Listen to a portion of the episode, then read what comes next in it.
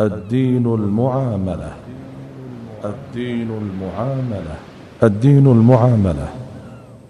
برنامج يبين المنهج الشرعي في تعامل الناس مع بعضهم. البرنامج من إعداد وتقديم فضيلة الشيخ الدكتور عبد العزيز بن فوزان الفوزان. البرنامج من تنفيذ عبد المحسن العنزي. بسم الله الرحمن الرحيم. الحمد لله رب العالمين والصلاة والسلام على عبده ورسوله نبينا محمد وعلى آله وصحبه أجمعين. اللهم إنا نعوذ بك من منكرات الأعمال والأخلاق والأهواء والأدواء. مستمعي الكرام تحدثت في الحلقة الماضية عن طرف من الأحاديث الواردة في حسن خلق رسول الله صلى الله عليه وسلم ودماثة معشره وطلاقة وجهه ورأفته ورحمته وحلمه وأناته وحسن سيرته مع الخلق كلهم القريبين والبعيدين والمسلمين والكافرين. وكما ضرب رسول الله صلى الله عليه وسلم أروع الأمثلة على حسن الخلق بسيرته وأفعاله فإنه حث على ذلك حثا شديدا بأقواله وبين مكانته من الدين وما رتب على حسن الخلق والإحسان إلى الناس من عظيم الثواب والجزاء وما لصاحبه من كمال المدح والثناء ورفعة المنزلة عند الله تعالى.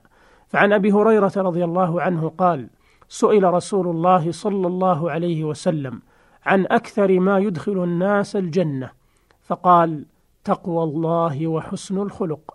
وسئل عن أكثر ما يدخل الناس النار فقال الفم والفرج. والحديث رواه الترمذي وابن ماجه وأحمد وابن حبان والحاكم وصححه الترمذي. فقرن النبي صلى الله عليه وسلم بين حق الخالق وهو التقوى وحق الخلق وهو معاملتهم بالحسنى وبين أن حسن الخلق من أعظم أسباب دخول الجنة وأقرب الطرق الموصلة إليها ومن أظهر شعائر التقوى.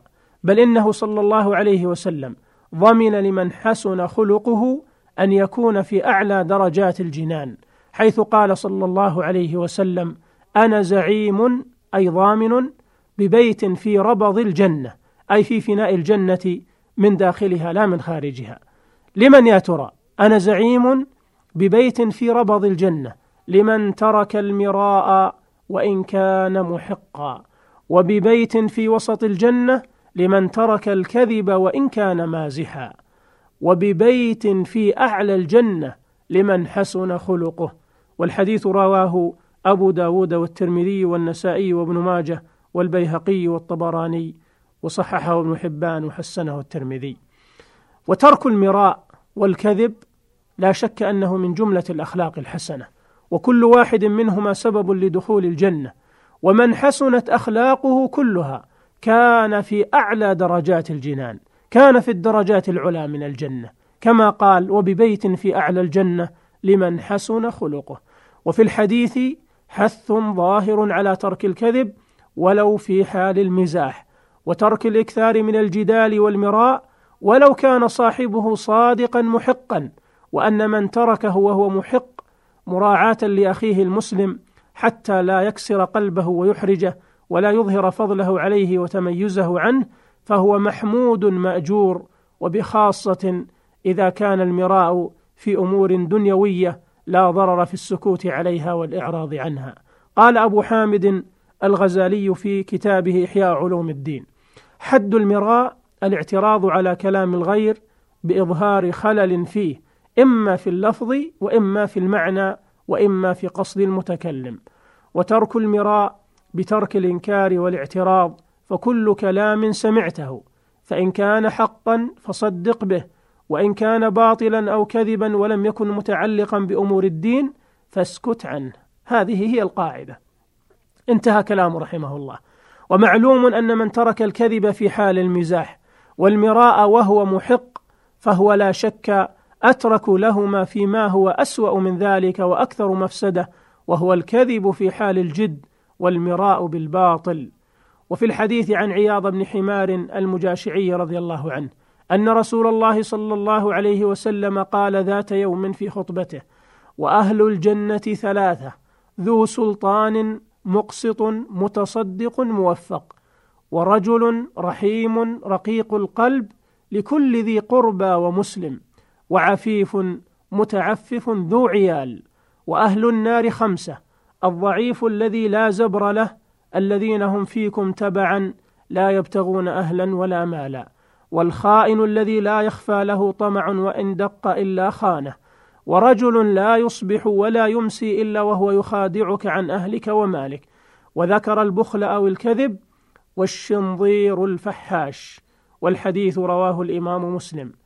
فدل الحديث على أن أهل الجنة ثلاثة وكلهم عند التأمل إنما استحقوا ذلك وهذا النعيم العظيم بحسن أخلاقهم ورحمتهم للناس وإحسانهم إليهم. فأولهم هو السلطان العادل في رعيته باذل المعروف لهم الموفق في التع... الموفق في التعامل معهم. قال ذو سلطان مقسط متصدق موفق.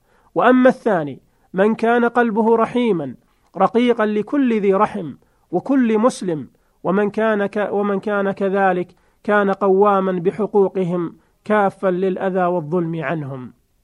ولهذا قال ورجل رحيم رقيق القلب لكل ذي قربى ومسلم ويؤكد لك ذلك قوله صلى الله عليه وسلم في الحديث الآخر حرم على النار كل هين لين سهل قريب من الناس وفي رواية ألا أخبركم بمن يحرم على النار أو بمن تحرم عليه النار على كل قريب هين سهل. والحديث رواه الترمذي وأحمد والبيهقي وأبو يعلى والحاكم وصححه وحسنه الترمذي.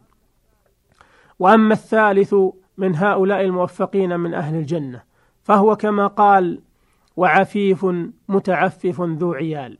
أي الفقير ذو العيال المتعفف عن التكفف والسؤال وإيذاء الناس بالشحاذة وطلب المال. وأما أهل النار عند التأمل فهم خمسة وكلهم استحقوا النار بسوء أخلاقهم وتعديهم على مصالح العباد وانتهاكهم لحرماتهم وتقصيرهم في حقوقهم. فأولهم الضعيف الذي لا زبر له بفتح الزاي وإسكان الباء أي لا عقل له يزبره ويمنعه مما لا ينبغي. وقيل هو الذي لا مال له فهو سفيه فاسق أو عائل فاجر ليس له أهل ولا مال ولا يتورع عن فعل القبائح وانتهاك حرمات الناس. وقد سئل مطرف بن عبد الله ابن الشخير رحمه الله أفيكون ذلك؟ قال نعم والله لقد أدركتهم في الجاهلية وإن الرجل ليرعى على الحي ما به إلا وليدتهم يطأها. وأما الثاني من أهل النار فهو الخائن الذي لا يخفى له طمع وإن دق إلا خانه وهو الذي يلوح له طمع وإن قل وهو الذي لا يلوح له طمع وإن قل إلا خان صاحبه وأخذه منه بغير حق. قال النووي معنى لا يخفى أي لا يظهر. قال أهل اللغة يقال خفيت الشيء إذا أظهرته وأخفيته إذا سترته وكتمته. هذا هو المشهور وقيل هما لغتان فيهما جميعا. وأما الثالث من أهل النار فهو رجل لا يصبح ولا يمسي إلا وهو يخادعك عن أهلك ومالك فهو مفسد في الأرض هتاك للعرض والمال مهلك للحرث والنسل والعياذ بالله. وأما الرابع من أهل النار فهو البخيل أو الكذاب وكلاهما ذو خلق سيء فالبخيل يمنعه بخله عن الإحسان إلى الناس وأداء حقوقهم والكذاب مضار لهم وماكر بهم. وأما الخامس فهو الشنظير الفحاش والشنظير معناه الفحاش فيكون الثاني تفسيرا للأول ومعناه سيء الخلق الذي يفعل ما تستفحشه العقول والفطر المستقيمة من الأعمال والأخلاق القبيحة المستنكرة. فتبين من خلال هذا الحديث أن حسن الخلق من أكبر أسباب الفوز بالجنة وأن سوء الخلق من أعظم الطرق الموصلة إلى النار وبئس القرار. وفي الحديث عن عبد الله بن عمرو رضي الله عنهما أن رسول الله صلى الله عليه وسلم قال إن في الجنة غرفا يرى ظاهرها من باطنها وباطنها من ظاهرها. قال أبو مالك الأشعري لمن هي يا رسول الله؟ قال لمن أطاب الكلام وأطعم الطعام وبات لله قائما والناس نيام. والحديث رواه أحمد والبيهقي في السنن الكبرى. والحاكم وقال هذا حديث صحيح وللحديث شاهد من حديث أبي مالك الأشعري وقد حسنه الألباني في صحيح سنن الترمذي. وتأمل يا أخي كيف قدم الإحسان إلى الناس بالقول والفعل على صلاة الليل. سبحان الله. قال لمن أطاب الكلام؟ وهذا إحسان للناس بالقول. وأطعم الطعام؟ وهذا إحسان إليهم بالفعل. ثم وبات لله قائما والناس نيام. فقدم الإحسان إلى الناس بالقول والفعل على صلاة الليل مع عظم شأنها وكثرة ثوابها ليبين فضل حسن الخلق وعظم جزاء صاحبه عند الله تعالى إذا كانت له فيه نية صالحة وقصد حسن. وللحديث بقية في الحلقة القادمة بإذن الله. أستودعكم الله. والسلام عليكم ورحمة الله وبركاته.